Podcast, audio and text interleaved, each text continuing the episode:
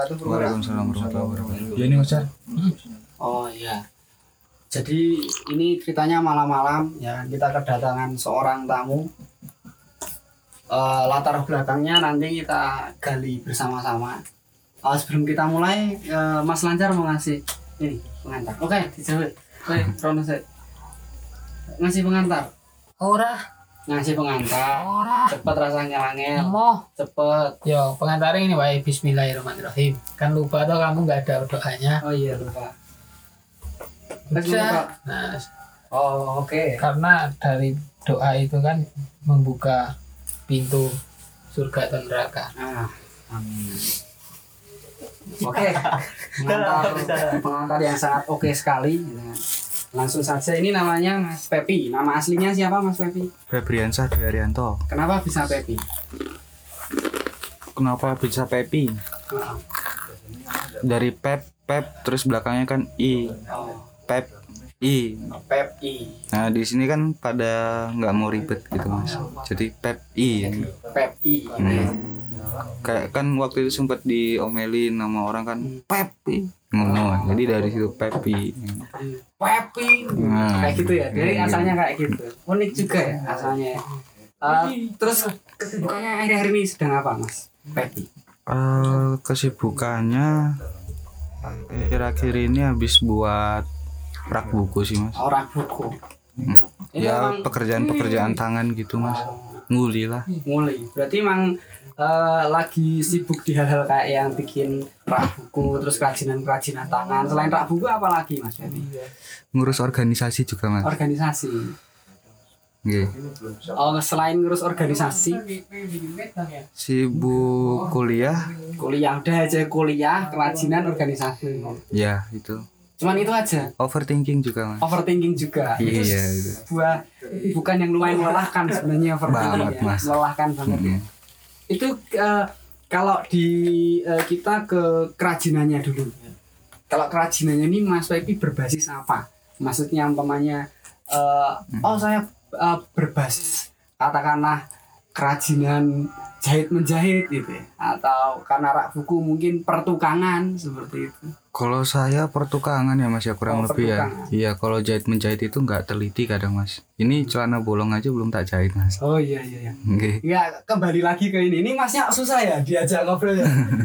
Maksud saya tuh, aduh, TikTok kayak gitu. TikToknya enggak enggak TikToknya apa ya? Saya mengarahkannya agak susah. Mungkin Mas Lancar bisa bantu Mas Lancar. Anjing juga Mas Lancar ini diem aja. Enggak, kalau yang di AFK, eh, Mas. apa namanya?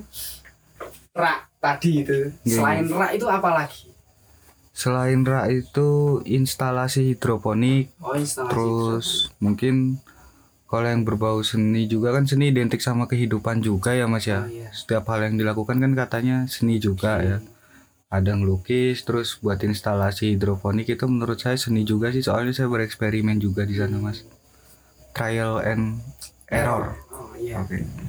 Ah, ngomong-ngomong latar belakang perkuliahannya ini apa mas? Kok bisa ke pertukangan ya kan? Oh, dia kuliah Kan tadi ada kesibukan kuliahnya dia Oh, bilang kayak gitu. di awal gitu. Ka- kamu jangan murtad dari tema ya. latar belakang kuliah eh ilmu kemanusiaan, Ilmu kemanusiaan, hukum. hukum, hukum tapi bukan Kemanusiaan itu humanistik ya. humaniora. Humaniora. Humaniora. Iya. humaniora. Kalau humanistik itu humanistik itu sifatnya. Humaniora itu kata benda, humanistik itu kata sifat. Oh ini ini mau ngerjain. UTS. Iya mas. Oh, ada yang mau ngerjain UTS juga ini. Ah, maksudnya dari dari mana kok bisa ketemu dari humaniora katakanlah hukum gitu, ke pertukangan Nah, kok bisa ketemu itu Wah. di mana itu ruang Oh, iya. pertemuannya itu iya. kan unik juga loh Eh, unik Kenapa nggak masuk oh, teknik ya. ketukangan itu? Iya, Iya, atau ke teknik. Nah, iya kalau teknik kayak kamu sipil kan ya gitu ya. teknik ya kan kamu teknik ya kan terus Enggak, saya orang biasa mas. oh iya iya iya Hmm. oke latar akademinya hukum kok bisa sampai ketemu pertukangan Oh, awalnya Itu gimana? gini ya mas ya.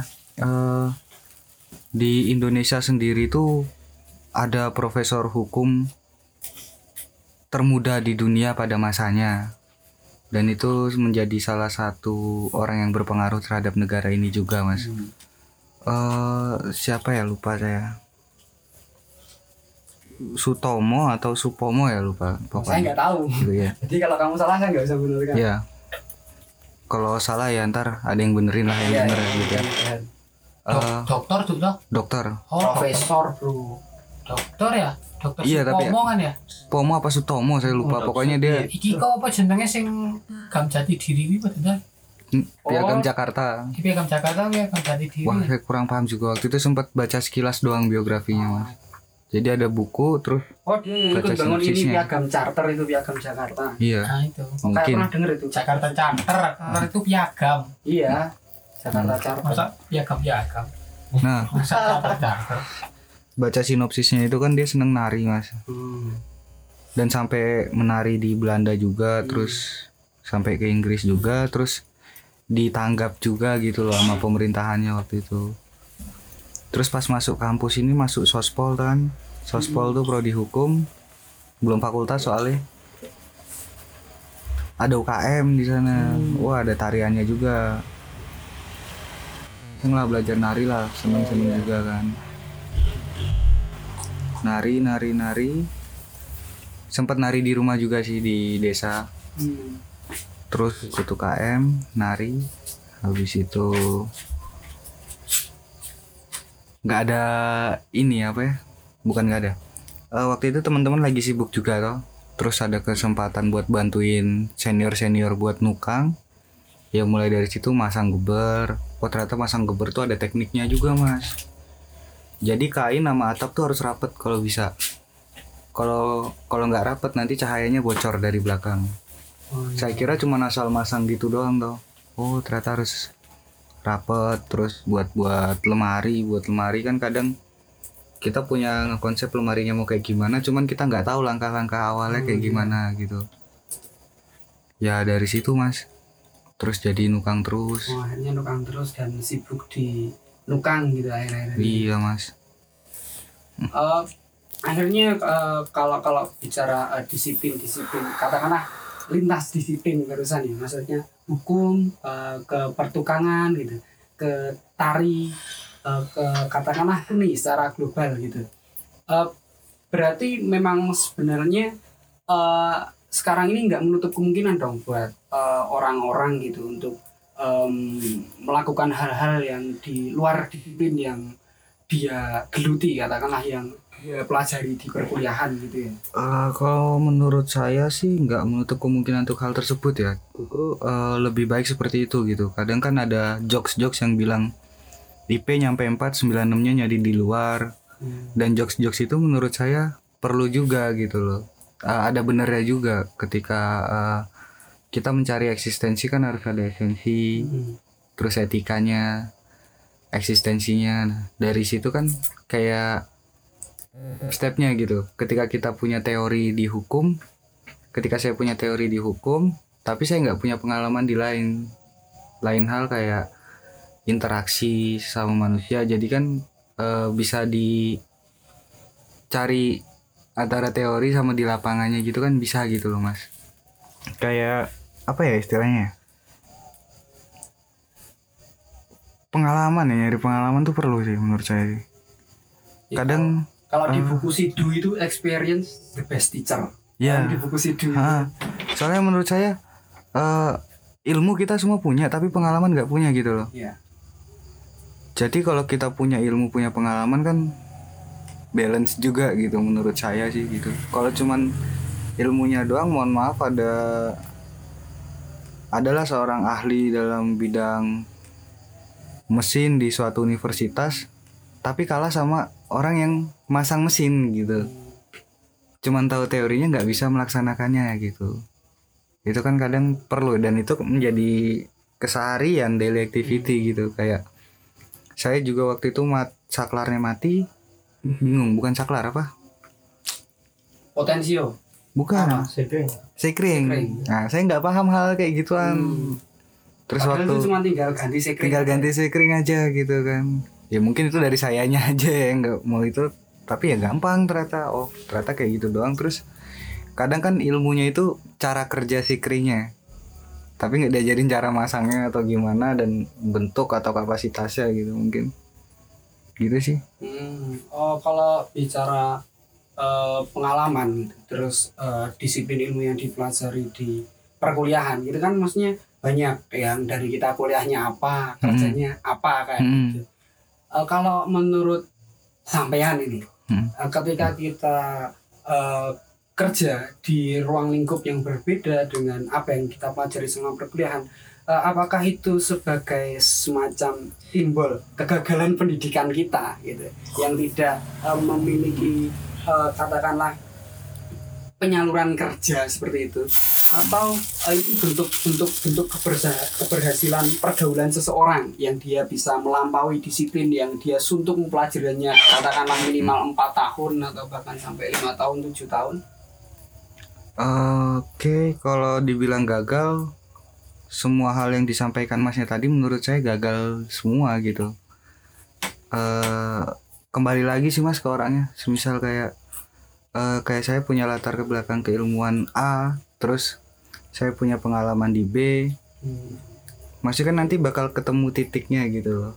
Di situ kan kembali lagi ke ketika kita memilih kan hidup jalan terus dan dunia kerja itu dunia setelah perkuliahan gitu. Saya jadi apa besok juga saya nggak tahu. Tapi kan kembali lagi eh pastilah setiap orang punya tujuan gitu. Hmm. Ya kalau udah punya tujuan ya kejar aja tujuannya gitu sih kalau menurut saya. Dan selepas ntar kayak gimana nya itu kan biar alam aja yang bekerja gitu. Kayak kita udah milih dulu di situ baru campur tangan Tuhan ada di sana. Oh iya iya. Bukan Tuhan yang ngarahin kita milih gitu loh. Nah, kita ini- kita dikasih pilihan baru Tuhan campur tangan kalau Ini menurut saya gitu. Bicara Tuhan ini agak ini Mas Robi mungkin bisa masuk soalnya dia sedang untuk membaca Rumi ya kan Rumi ini kan sofistik yang agak gimana gitu kalau kalau orang-orang maksudnya kalau kalau bicara tentang eh, Tuhan itu kan kalau di rukun iman nih kan, rukun iman agama Islam itu kan yang terakhir itu percaya dengan kodok dan kodar Nggih. kodok dan kodar itu kan takdir yang sudah dituliskan ya Mas Robi. Kalau yang kodok itu yang udah nggak bisa dirubah. Kalau kodar itu masih bisa dirubah apa kayak gitu kalau nggak salah. Kalau sudah bicara ke hal yang sensitif gini mas. Ah. mendingan saya nggak ikut dulu. Kenapa? nggak masalah pak. Kalau ini dipubliskan terus saya memberikan pandangan. pandangan yang beberapa orang mungkin tidak setuju. Dan pandangan orang kan beda-beda. Kalau menurut pandangan saya pribadi sih saya nggak akan menyatakannya di sini. Oh, ka- itu kan yang katakanlah ada pakemnya gitu, Hmm. ada konvensinya di agama. Kalau menurut Mas Robi sendiri nih, umpamanya ya kita yang melakukan nanti Tuhan yang memberi eh, jalan kayak gitu, hal-hal yang Oh, gitu. eh, seperti itu. Gitu. Mungkin kan keterlibatan Mas Robi dalam dunia spiritual ini kan agak dalam. Hmm, gimana ya? Eh, kalau menurut saya pribadi sih ya mas ya, bukan menurut saya pribadi sih, menurut yang saya pelajari dari beberapa guru. Sebenarnya kita sebagai manusia nih, manusianya ya mas ya, kita tuh bahkan kita berjalan, kita mem- membuka mata itu pun nggak bisa kalau nggak atas izin Tuhan.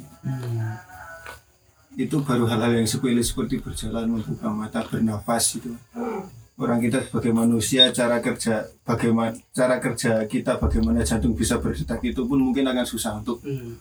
membahasnya. Itu hal yang nggak kita sadari. Kalau hal yang kita sadari seperti me- membuat pilihan atau menentukan pilihan itu kalau dari beberapa sumber atau guru saya bahkan kita tuh nggak mampu kalau nggak diberi hidayah Tapi kan manusia punya kehendak seperti untuk memilih gitu. Mm-mm. Ah, dan itu karena memang diberi hidayah oleh Tuhan dan diberi kemampuan oleh Tuhan supaya kita itu bisa memilih ada beberapa manusia yang nggak punya kesempatan untuk memilih dan nggak bisa memilih ya, itu jadi berat gini ya. nah iya Ini- makanya kalau bicara soal hal yang sensitif gini mendingan saya nggak ikut campur dulu Tapi saya sepakat sih, maksudnya kalau eh, katanya itu puncak dari semua keagamaan itu kan pasrah gitu ya. Mm-mm. Nah, tapi kan eh, kita punya kehendak untuk memilih gitu. Balik lagi ke Mas Pepsi gitu. Kalau ngobrolin Mas pilihan. Pepi bukan Mas Pepsi Mas. Ya maaf salah, Mas Pepi gitu. Maaf saya salah, saya udah agak tua. Eh, kalau kalau ngobrolin Mas. pilihan gitu kan. Maksudnya kan akhirnya eh, Mas Pepi gitu milih untuk Mas Pepi ini kuliah milih buat kuliah di hukum atau dipilih kan? milih Milih ya kan. Kemudian berorganisasi seni gitu ya, yang ada hubungannya dengan seni gitu. Terus Mas Pepi juga milih eh, untuk apa namanya di bidang katakanlah kerajinan tadi yang sekarang sedang sibuk seperti itu. Eh, dari eh, pilihan-pilihan itu kan saya rasa Mas Pepi sudah eh, bertanggung jawab lah. Maksudnya sampai sekarang masih dilakukan itu kan berarti bertanggung jawab untuk tidak eh, meninggalkannya. Nah, dari variabel-variabel itu gitu. Eh, apakah Mas Pepi bisa eh, katakanlah memetakan gitu kira-kira besok saya ini gimana ya jadi apa gitu maksudnya kan variabel-variabelnya hukum gitu Mhm. seni gitu, kerajinan gitu kan.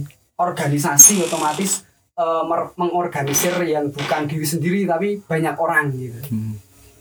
kira-kira eh, punya eh, gambaran besok ke depannya mau gimana gitu kan Eh, kalau gambaran dari saya pribadi sih eh pengennya ya mas ya. Gambaran saya itu dengan latar belakang keilmuan saya ya semoga direstui sama Tuhan juga. Saya pengen buat LBH gitu mas. Sebagai bentuk pengabdian gitu bukan buat nyari duit. Iya. di samping itu ya saya buka usaha buat menghidupi LBH juga. Kalau LBH buat nyari duit ya nggak ada duitnya gitu Iya, mending kamu buat bikin pengab emas aja. Iya maksudnya buat ya ya maksudnya empat tahun kuliah dan punya ilmunya yaitu bentuk dedikasi sih kalau menurut saya di samping itu untuk melanjutkan hidup ya saya mencari peluang-peluang gitu mas. Hmm. Nah balik lagi ke statement saya bahwa pilihan itu ketika kita sudah memilih baru di situ saya pasrah gitu loh mas. Selebihnya saya kembalikan ke Tuhan mau kayak gimana gitu. Eh soalnya menurut saya yaitu kita kita sebelum lahir pun dikasih pilihan. Mau lahir apa enggak gitu. Nah, gitu ya. Ya kalau sharing-sharing lah sama orang cuman saya juga pemahaman saya cuman sebatas itu doang gitu mas. Belum lebih yang saya tangkap kan seperti itu gitu. Ya gambaran saya itu kurang lebih seperti itu. Kalau memang dikasih kesempatan ya saya mau mengamalkan keilmuan saya di LBH terus mencari peluang buat usaha sih mas. Hmm. Gitu. menarik ini. Maksudnya eh, pasca perkuliahan dia eh, punya capaian untuk eh, pengabdian terhadap masyarakat dengan latar belakang akademis yang dia tekuni selama perkuliahan. Itu menarik loh itu. Maksudnya hal kayak gitu nggak semuanya orang yang kepikiran ke arah sana. Kebanyakan kuliah kerja udah selesai gitu kan. Eh, nggak nggak eh, terus kepikiran "Ah, disiplinku ini aku harus em, memberi sebuah sumbangsih untuk masyarakat dengan disiplin yang saya pelajari kan tapi tidak bermotif ekonomi gitu. Dia mencari basis ekonomi yang lain itu menarik loh. Itu jarang sekali ditemukan loh itu. Loh iya enggak Iya. banyak kan udah kerja udah gitu aja Pepi bro. pepi bro tapi ya kembali lagi mas Ya, lagi. kalau Tuhan mengizinkan itu apa Iya itu maksudnya kalau memang dikasih kesempatan kan eh, yang namanya itu kan harus ikhlas ya mas ya. Mungkin kalau sabar kan orang sabar ada mangkel ya kan kalau kata Gading Martin tuh kalau ikhlas kan ya udah bener-bener pasrah gitu jalannya kayak gimana gitu. Ternyata kita udah milih jalan yang kiri gini ya udah itu udah pilihan kita gitu mas. Gitu sih. tapi ka- karena organisasi Mas Papi ini eh, seni menurut saya kan eh, di beberapa tataran beberapa filsuf besar juga sibuk dengan hal-hal yang berbau kesenian Iya. maksudnya eh, apakah eh, Mas Pepi ini mendapatkan banyak hal dari seni maksudnya bagaimana cara Mas Pepi berpikir dan menyikapi fenomena yang sedang terjadi seperti itu? Ya banyak sih mas yang saya ambil mulai dari seni teater itu. Banyak juga yang saya dapatkan juga. Terus eh, musik saya sedikit kurang ya sedikit lemah di sana. Terus melukis saya dapat banyak hal kayak gimana pencampuran warna segala macam dan saya memaknainya dengan perspektif saya sendiri gitu kayak cuman kanvas doang yang paling ikhlas kita warnain gitu kan kanvas nggak pernah ngelawan gitu kan. Terus kalau di teater tuh kita bisa keluar dari diri kita ngelupain sejenak masalah kita dengan tokoh yang ada di sana. Dan banyak sih pelajaran-pelajarannya mas kayak mungkin terlalu cepat untuk ngomongnya kali ya. Kalau hidup itu seni untuk mati gitu mas. Ya memang seni itu melekat banget di masyarakat sih. Itu sih kalau menurut saya. Dan untuk ke depannya mungkin kalau ada kesempatan atau ada peluang dan ada waktu ya saya bakal tetap ikut dalam kegiatan-kegiatan seni gitu. Entah ikut dalam berproses atau mengapresiasinya atau mungkin eh, apa sih yang bisa saya bantu gitu mas. Sebenarnya kalau eh, bicara seni gitu terus akademisi apalagi perguruan tinggi itu kan ada pengabdian terhadap masyarakat. Seni itu kan juga nanti akhirnya buat ke masyarakat gitu ya. Eh, tapi gejala yang akhir-akhir ini muncul itu kan justru agak berjarak maksudnya eh, bagaimana eh, kesenian itu muncul dan akademisi itu muncul justru seperti eh, menara gading Hmm. mereka terasing dari masyarakat itu kalau menurut Mas Pepi gimana? Eh, terasing ya Hmm. karena ya eh, masyarakat sendiri kan itu melihat hasil dari proses ya tidak Hmm. melihat proses ya ketika mereka melihat prosesnya ternyata seperti itu kan jadi timbul stigma-stigma negatif dan ya yang saya pelajari juga menurut saya eh, hukum yang ideal itu hukum yang datang dari masyarakat gitu menurut saya. kayak eh, bisa dikatakan sebagai suatu kejahatan itu adalah perilaku yang menyimpang dari normalnya masyarakat Hmm. Kayak mungkin kita kadang berkesenian latihan sampai jam sekian jam sekian ya itu abnormal memang saya akui abnormal masyarakat jam tengah malam itu waktunya istirahat sedangkan ad- ada beberapa aspek mungkin hampir semua aspek kesenian tuh bisa dilakukan malam hari dan penampilannya di siang hari kayak kita ngedit video aja kan itu Malam. Malam. sunyi gitu. sunyi gitu kan dan kalau dibilang abnormal itu udah abnormal udah nggak sesuai dengan tatanan masyarakat. Tapi ya gitu. Karena kita udah milih gitu loh. Jadi ya ya udah jadi nggak ada hitung hitungan sih gitu aja sih. Oh, oh, berarti eh, itu tergantung bagaimana kita melihat kinerja proses kreatif di baliknya seperti itu ya. Perihal apa ya mas? Ya itu eh, ketika maksudnya masyarakat sedikit berjarak katakanlah dengan akademisi dan seniman. iya iya. Eh, kurang lebih seperti itu sih kalau menurut saya. Oh. ketika yang terlihat proses kita seperti ini dan kadang kan kita suka nyeleneh ya. Hmm. apalagi waktu itu eh, saya kenal salah satu seniman juga di kampus itu gondrong rambutnya kulitnya hitam. Itu Mas Lancar namanya. Ah, so, itu kan nyeleneh banget menurut saya mukanya udah kayak penjahat gitu kan. Hitam tapi Mas Lancar itu di balik sosok yang serem itu ternyata dia apa ya? He's so fucking kind gitu loh. Dia humble banget murah senyum juga gitu kan. Dan relasinya juga baik ke sana kemari kan.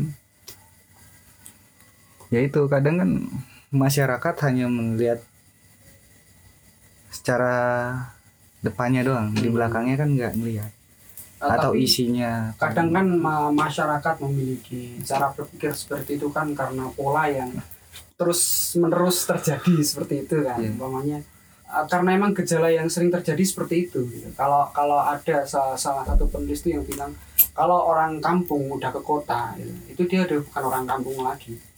Dari cara berpikir dari cara mereka menyikapi masyarakat gitu termasuk eh, dengan perkuliahan karena kalau berbicara tentang uh, perguruan tinggi itu kan jarang sekali yang ada di kampung-kampung. Mereka ada di sebuah kota biasanya. Hmm. Uh, apakah uh, memang pola pendidikan uh, kita atau mungkin uh, pergaulan uh, kita di kampus gitu menentukan? Mungkin katakanlah seperti contoh Mas Lancar ternyata komunikasinya masih baik-baik aja. Tapi kan masyarakat memiliki pemikiran kayak gitu kan berarti memang pernah ada yang terjadi seperti itu Hmm. Eh, kalau saya ngambil benang merahnya ya mas, kebetulan saya juga SMA di kota juga, terus oh kota Iya, oh ya hari, sorry sorry, sorry. hari ini saya kuliah di menurut saya ini kota juga, kota. tapi rasa desa juga gitu ya. Dan itu dua hal yang memang punya pola pikir yang berbeda sekali dan bertolak belakang. Dan kalau bisa saya gambarkan ketika dua-duanya itu kolot, nggak jauh beda. Hmm, Keduanya itu adalah ikan yang ada di dalam kolam. hmm. Jadi yang muter di situ-situ aja. Yang orang kota ketika melihat orang desa seperti ini, yang orang desa melihat orang kota seperti ini. Jadi ya bakal seperti itu aja kayak ya istilahnya kalau kata teman saya itu ikan di dalam kolam gitu dan ini sudah terjadi lama bahkan mungkin sebelum merdeka kali ya mas. Iya mungkin. Eh, kalau melihat eh, isu eh, hal fenomena yang terjadi kemarin gitu kan seperti melihat demo gitu. Dan beberapa masyarakat ada yang tidak setuju dengan demo itu karena mungkin eh, berujung pengrusakan dan lain-lain seperti itu. Itu kan eh, akhirnya ada ada jarak antara katakanlah akademisi yang melakukan demonstrasi dan masyarakat yang Ah. terkena dampak dari demonstrasi tersebut Iya. Nah, itu eh, apakah mungkin itu salah satu eh, hal yang muncul karena pemikiran alah ini apa orang kuliah katakanlah orang kota gitu dengan alah ini orang kampung Hah. Eh, katakanlah kalau mahasiswa kan kita memperjuangkan hak mereka gitu. tapi yang orang kampung sendiri gak ngerasa ini ngapain sih mereka Nah, gitu. iya. itu kalau saya boleh bilang pertama yang masalah kerusuhan kalau menurut saya itu eh, teorinya ya mungkin dari pihak yang punya seragam gitu kan. Semakin cepat rusuh semakin selesai. Eh, semakin cepat rusuh semakin cepat masa akan bubar. Maaf Mas. Iya ada telepon angkat dulu nggak apa-apa mantap alarm mas oh alarm kira telepon Iya, alarm kok di alarm jam segini buat apa Mau ngingetin UAS Mas. Eh, UTS Mas. UTS nah, itu udah ngerjain UTS Oh iya. Jadi kan itu kalau menurut saya eh, ketika ada rusuh-rusuh itu kan balik lagi teorinya semakin masa cepat rusuh semakin cepat bubar aksi demonstrasi seperti itu. Dan eh, di medsos juga banyak kok mas menurut saya yang memang sudah memperlihatkan gitu loh. Ternyata ada beberapa oknum yang menjadi masa demonstran dan mungkin kalau saya secara gamblang ada orang bayaran yang nanti menciptakan kerusuhan gitu. Nah perihal jarak yang timbul dari masyarakat dengan kaum akademisi ini kalau menurut saya kita kembali lagi ke zaman penjajahan ya. Hmm. Belanda ini negara yang sangat sukses menurut saya. Sukses merubah mindset. Soalnya di sana narkoba juga legal. ya susah Eh, sukses merubah mindset kita gitu loh mas. Bangsa kita. Hmm.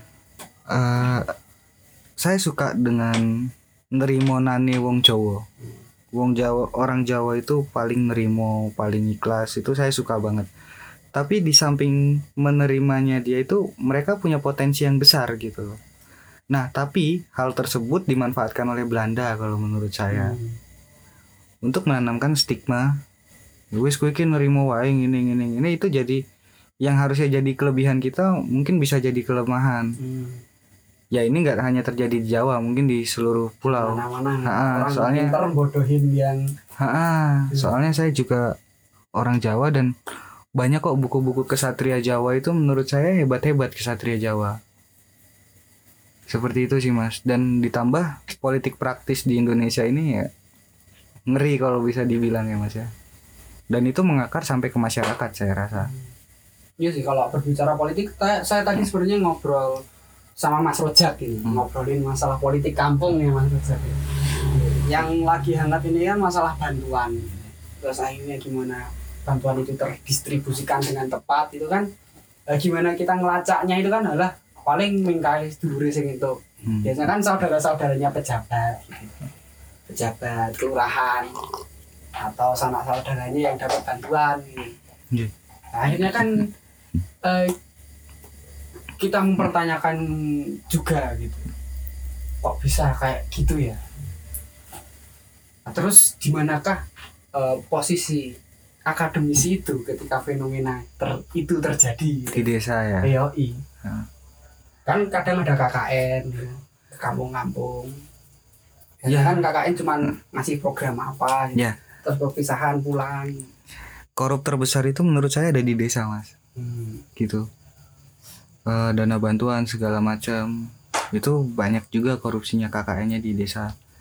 Ya kembali lagi kayak saya katakan tadi eh, politiknya itu sudah mengakar bahkan sampai ke masyarakat lini desa. Itu sudah terasa sekali kalau menurut saya. Eh nggak tahu salah nggak tahu benar ya dengan hal tersebut. Dan saya juga belum menemuin formulasi yang pas juga gitu loh entah negara ini butuh revolusi atau masyarakatnya butuh revolusi atau apa saya juga belum paham tentang kejadian-kejadian fenomena-fenomena. pemimpin baru ya karena pemimpinnya ganti ternyata sama aja gitu ya. Iya nah itu mungkin di kitab Jayabaya ya Hmm. nanti akan datang sosok satria Satrio Piningit. Satrio Piningit. Ya mungkin itu entah sistem ini dipertahankan untuk menunggu kedatangan kesatria itu apa enggak saya juga nggak paham gitu Hmm. mas.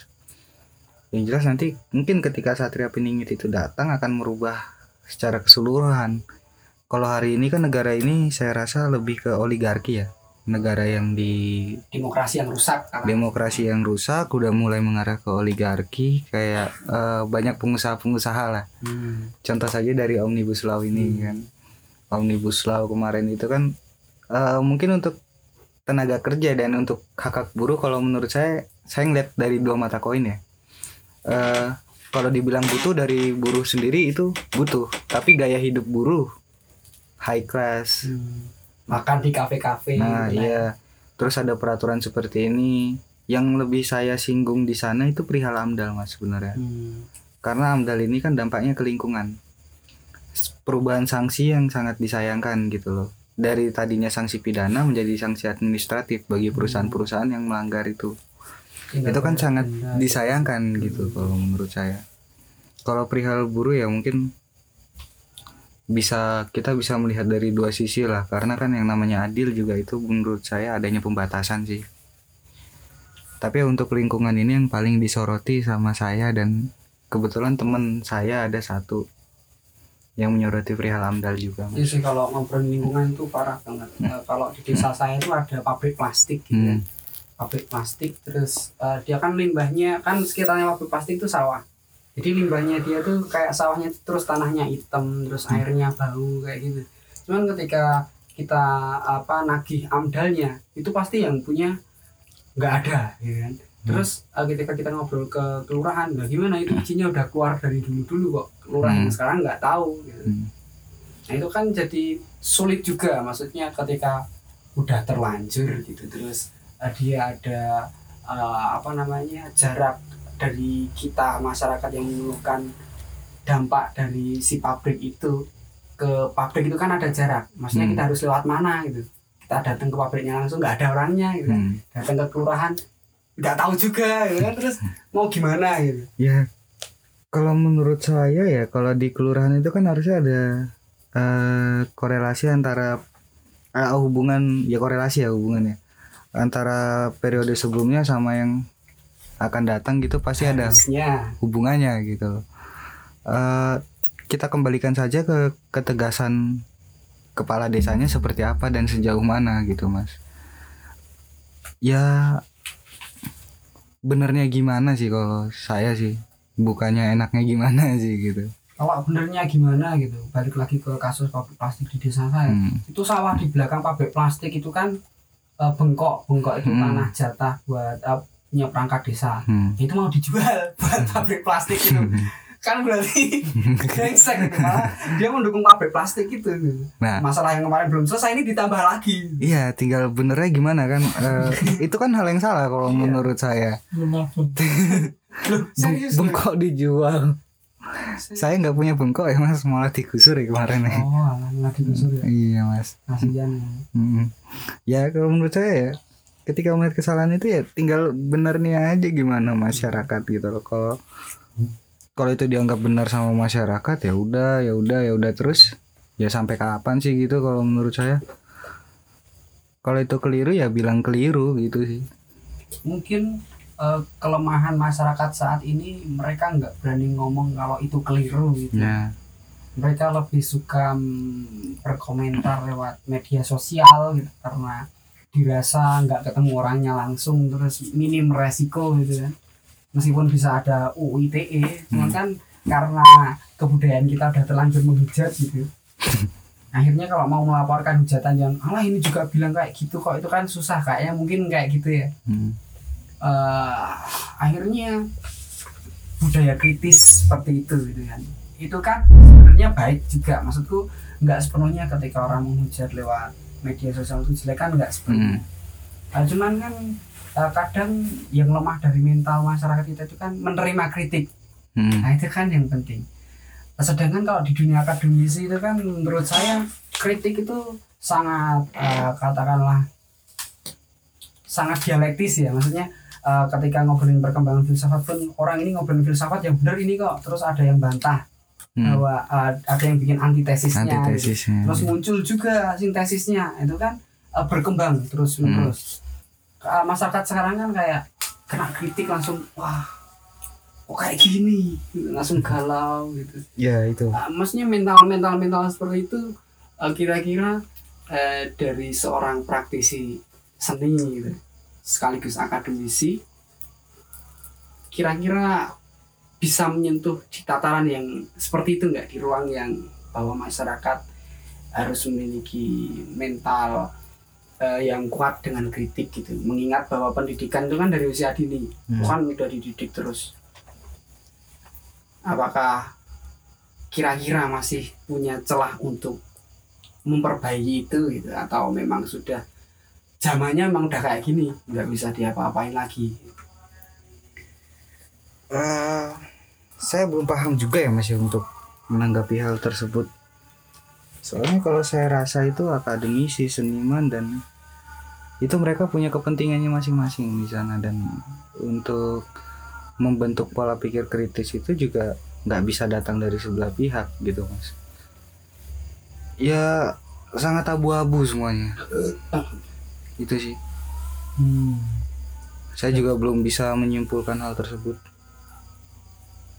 Jadi kita kembali ke tema-tema yang agak ringan aja kayaknya dari tadi tuh berat banget gitu ya. Aku juga capek loh kalau ngobrol berat-berat kayak gitu.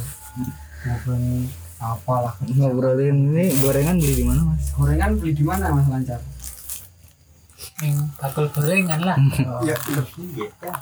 Kalau bakul gorengan tuh kira-kira gimana Mas? Bakul gorengannya itu cara menjualnya. Friendly arah aku. Keren. Udah langganan gitu ya. Ora sih. Mergo aku wis tau tuku gorengan kuwi kegasian. Hmm. Dek iki wae bukaan ke gorengin. Yuk nunggu to. Ya karo ngobrol-ngobrol. Lanjut saka obrolan kuwi kan tadi eh Steve saya ngerti oh aku kuwi cah kos Oh. kuwi oh kos nang kono Akrab lah ya. Iba ya.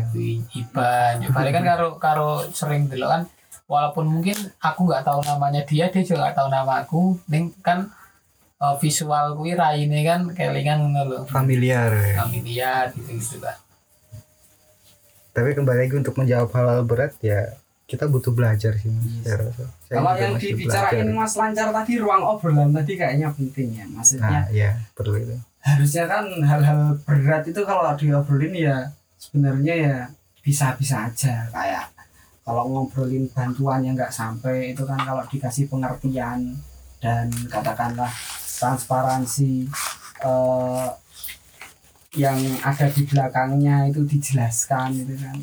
Kayaknya enak-enak aja ya. Cuman kayaknya kita itu minim sekali ruang obrolan gitu. Ruang obrolan kita itu sudah tertumpuk di media sosial atau televisi. Kayak ini ya berarti nek ngomong kayak gitu kan kayak sosialisasi gitu ya? Mm-mm. mensosialkan gitu kan. Hmm. Nek ngarani aku kan kayak di ruang media televisi itu kan itu metode loh jadi kan emang bisa dilakukan dengan banyak cara. Nggak melulu itu obrolan itu selalu harus ketemu secara langsung. Nggak langsung pun juga bisa. Sebenarnya itu tuh kuwi sih apa jenenge? Ngerubah eh ngerubah lingkungan yang luas ke orang yang banyak dan sebagainya itu emang emang menurut aku susah bisa tapi kayaknya susah tapi kan paling enggak itu kan ketika emang ada usaha menuju ke sana itu kan ketika nggak bisa ngerubah orang banyak paling nggak bisa ngerubah diri sendiri kan gitu That's the point. Ini cemerlang ini. Hmm. Sebelum merubah orang banyak itu merubah diri sendiri. Iya. M- maksudnya kan yuk, yuk oh ngelihat kalau lurah di desa tuh kayak gini. Oh ngelihat kalau eh, pemerintahan mungkin kayak begini atau oh ngelihat orang itu tuh kayak begini gitu kan. Ya dan itu memang udah menjadi kekeosan bersama atau yuk, yuk buat ngerubahnya itu ya ya s- dari kita menyikapi hal-hal kayak gitunya kan. Maksudnya ketika kita di posisi oh jadi rakyat itu kayak gimana tuh versi terbaiknya kita. Dan ketika nanti diberi kesempatan berada di sana pun kayak gimana tuh versi terbaiknya kita gitu. Karena belum tentu eh, sesuai juga versi terbaikku ternyata bukan eh, versi yang di- diharapkan sama yang mau menerima kan. Gitu sih. Jadinya yo kayak udah jadi resiko tuh jatuhnya. Kan banyak juga tuh yang kasarannya yang pemerintahan sekarang pun yo dulunya itu juga mahasiswa juga dulunya ikut demo gitu Iya. apalagi di 96 gitu eh 98. 98 nah. tapi juga terlibat sekarang di pemerintahan gitu maksudnya jadinya kayak ada yang ngomong kayak makan tainya sendiri dan sebagainya lah. Hmm. karena soalnya kan emang itu tadi kan hidup kan kan unpredictable gitu. Iya, iya. yang kita omongan sekarang itu kan belum tentu besok itu benar bisa berubah nggak sesuai malah bisa berubah lebih baik. Berarti konsistensi itu berat ya. berat. Dan aku pernah pernah ngobrol ngobrol tentang konsistensi itu emang sebenarnya itu emang eh, nggak bisa ditanamkan personal sih. Nggak bisa ditanamkan personal. Jadi dalam artinya itu nggak bisa sendirian buat jalanin konsistensi itu. Bisa kalau misalkan ngeliat ada orang kok yang bisa konsisten jualan gorengan terus udah 50 tahun dan sebagainya. Menurut itu menurut aku itu, itu ada ada ada support system atau ada ada uh, sesuatu di balik itu. Hmm. entah orang lain entah keadaan entah apa pun itu.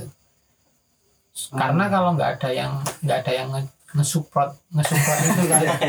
Uh, kan jadinya ini tuh apa namanya? Kayak benih ya, bisa. Hmm. contoh kecilnya kalau penjual gorengan berarti kan supportnya yang real yang maksudnya kita semua tahu berarti kan pembeli yuk banyak laku jadi Hmm. jadi semua jualan Hmm. coba kalau misalnya nggak ada pembeli nggak laku paling dia udah berhenti sekarang jualan besok paling udah enggak Ya aksi nyata berarti. tetap tetap ada ada ada sesuatu di balik itu kan Hmm. jadi menurut aku orang-orang hebat yang bisa konsisten gitu tuh itu ada ada sesuatu di balik itunya karena kalau nggak ada sesuatunya itu atau memang benar-benar personal sendiri nggak bisa mencapai konsisten gue sih ngarani aku Oh, berarti memang eh, melakukan perubahan yang global itu susah gitu ya. Eh, lebih lebih baik lagi kalau kita coba merubah lewat hal-hal yang kecil diri kita sendiri gitu katakanlah seperti itu ya. iya Oh, kalau dari Mas Pepi sendiri ini kan udah lama ini. Kayaknya butuh closing statement gitu dari eh, ke tadi kan kita ngobrolin nggak jelas gitu kan. Masnya cuma Mas Pepi kira-kira ada closing statement nggak yang katakanlah bisa diambil oleh teman-teman nah gitu. Mengingat bahwa latar belakangnya banyak loh iya seni, hukum, Wawasannya luas. Wawasannya juga luas. Labil mas itu mas. Satoris gitu kan. Maksudnya kita butuh closing statement biar kalau kayak ngajian itu ono kesimpulannya. Ya kalau menurut saya ya mas ya. Kalau dari tadi awal muter-muter sampai terakhir pembicaranya mas La- lancar ya menurut saya saya sepakat juga dengan apa yang disampaikan mas lancar gitu kayak lebih ke tukang gorengan ya supportnya kita beli gorengannya kayak aksi nyata gitu kalau menurut saya ya semoga saya bisa melakukan aksi nyata juga gitu kayak dengan latar belakang keilmuan saya saya bisa bantu orang banyak gitu lah kayak sengketa tanah atau gimana gitu mudah-mudahan bisa. Jadi ya saya kepikiran tadi terakhir pas Mas Lancar ngomong itu jenderal di Amerika tuh bilang before you change the world eh sorry if you want to change the world start from making your bed in the morning. Katanya gitu. So semua balik lagi ke ya benar Mas Koko juga bilang kita dulu gitu. Baru ke orang lain. Yang mau ngasih duit ya punya duit dulu. Iya itu masuk akal. Masuk akal. Oke mungkin kayak gitu aja ya obrolan kita pada kali ini gitu. Mungkin besok akan ada obrolan yang lebih nggak jelas lagi. Tapi mudah-mudahan ini eh, sedikit banyak bisa memberi eh, pandangan gitu Kalau nggak memberi pandangan ya setidaknya memberi kesibukan buat teman-teman mendengarkan gitu. ya semoga nggak nyanyain waktunya aja gitu Iya, buat iya. dengerin ini Ya, oke, kayak Iya, gitu aja tetap di Sami Senang Podcast. Sami senang podcast. Apa ya tadi?